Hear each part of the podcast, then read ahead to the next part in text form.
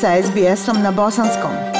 Pronađite još sjajnih priča na sbs.com.au kosacrta bosnijan. Aisha, e, lijep pozdrav tebi i slušateljima SBS radija.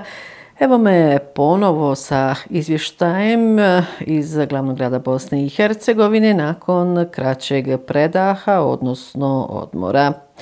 E, građani Bosne i Hercegovine od 1. jula mogu ući u Hrvatsku uz određene olakšice koje je usvojila vlada ove zemlje. To znači da državljani Bosne i Hercegovine neće morati unaprijed rezervisati i plaćati smještaj ukoliko turistički putuju u Hrvatsku.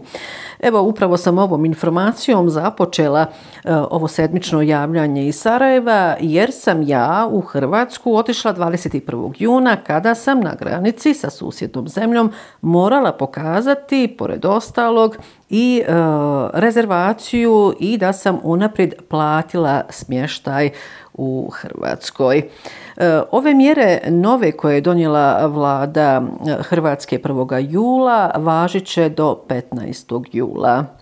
Uz e, ove dvije potvrde koje sam e, rekla, a koje sam morala predočiti na granici sa Hrvatskom, ja sam također e, morala da pokažem ili negativan PCR test ili antigen test ili potvrdu da sam potpuno vakcinisana protiv koronavirusa i to sa onim vakcinama koji su priznate u Europskoj uniji, ali su je Hrvatska uz Pfizer, Modernu i AstraZeneca eh, prihvatila i eh, vakcinu Sinopharm. E, također e, e, vrijedi pravilo da će moći u Hrvatsku ući, ući i oni ako je prošlo 14 dana od primanja doze u slučaju jednodozne vakcine Johnson i Johnson. Građani Bosne i Hercegovine od 2. jula mogu slobodno putovati u Evropom i to je potvrđeno na sastanku na kojem je predsjedavajući Evropske unije Portugal sastavio novu listu potencijalnih sigurnih zemalja za COVID-19, među koje su uvrštene i Bosna i Hercegovina, Crna Gora i Kosovo. Eto, na neki način Bosanci i Hercegovci ipak mogu da e, sada putuju i širom Evrope. A kada je riječ o nekim cijenama u susjednoj Hrvatskoj, govorimo dakle o Jadranu, o obali, U Hrvatskoj e, apartmani, na primjer, koštaju od 140 konvertibilnih maraka pa naviše, dakle riječ je o, apartmanu za jedan dan. Kada su u pitanju cijene hrane i pića, početkom godine skočile su u cijeloj Hrvatskoj.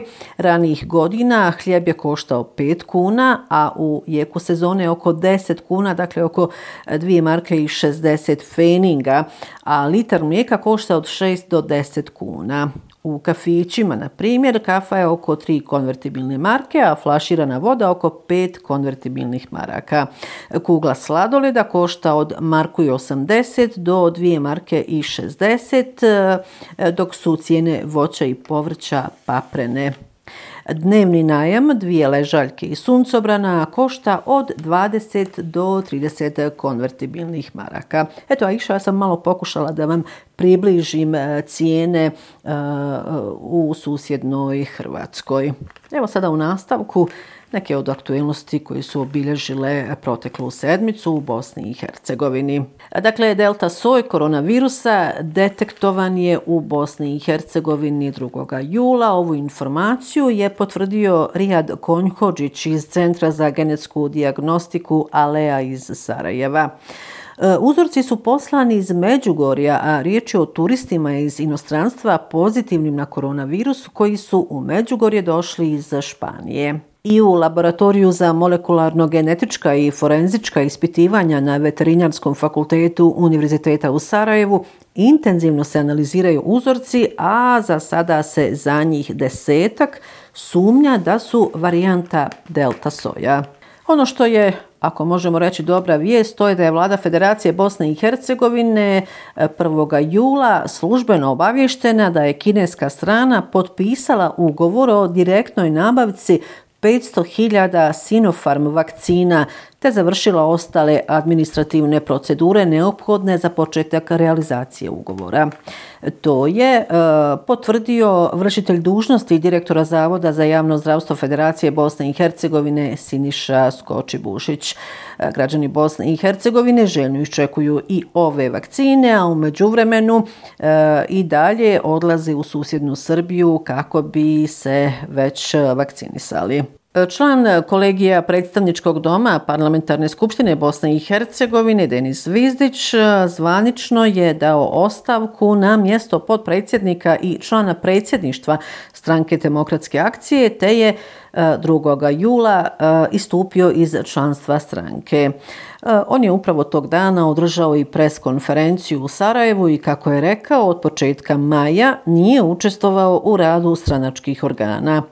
E, prema njegovim riječima, poslije više mjesečnih apela da se mora vratiti izvornim principima te da stranačke ili personalne interese treba podrediti općem interesu, nije urađeno ništa.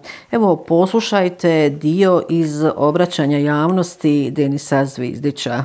Poslije više mjesečnih apela da se moramo vratiti izvornim principima i da i stranačke i bilo čije personalne interese moramo podrediti općem interesu i činjenice da po mojem mišljenju većina novih imenovanja ne odražava potreban kvalitet, postalo je besmisleno dalje učestvovati u radu jer je previše deklarativnih obećanja, a malo konkretnih poteza. A s druge strane, ne treba naravno smetnuti suma da sam ja 2018. godine dobio 38.500 glasova, ali nemam nikakav problem sa procedurom koja će biti legalno pokrenuta u smislu moje smjene. Bakir Izetbegović predsjednik stranke demokratske akcije. Kratko je komentarisao Zvizdićevo napuštanje stranke. Denis Zvizdić ima pravo na svoje viđanje stanja u stranci i životne odluke i želi mu dobro zdravlje u životu, kazao je Bakir Izetbegović. U Mostaru je 2. jula u centrali HDZ održana zajednička sjednica glavnog vijeća i predsjedništva Hrvatskog narodnog sabora Bosne i Hercegovine, čiji se fokus razgovora odnosio na izmjene izbornog zakona Bosne i Hercegovine, a u svjetlu sastanka delegacija HDZ-a i SDA sa predstavnicima međunarodne zajednice, koji će biti održan upravo ove nedjelje, dakle 4. jula.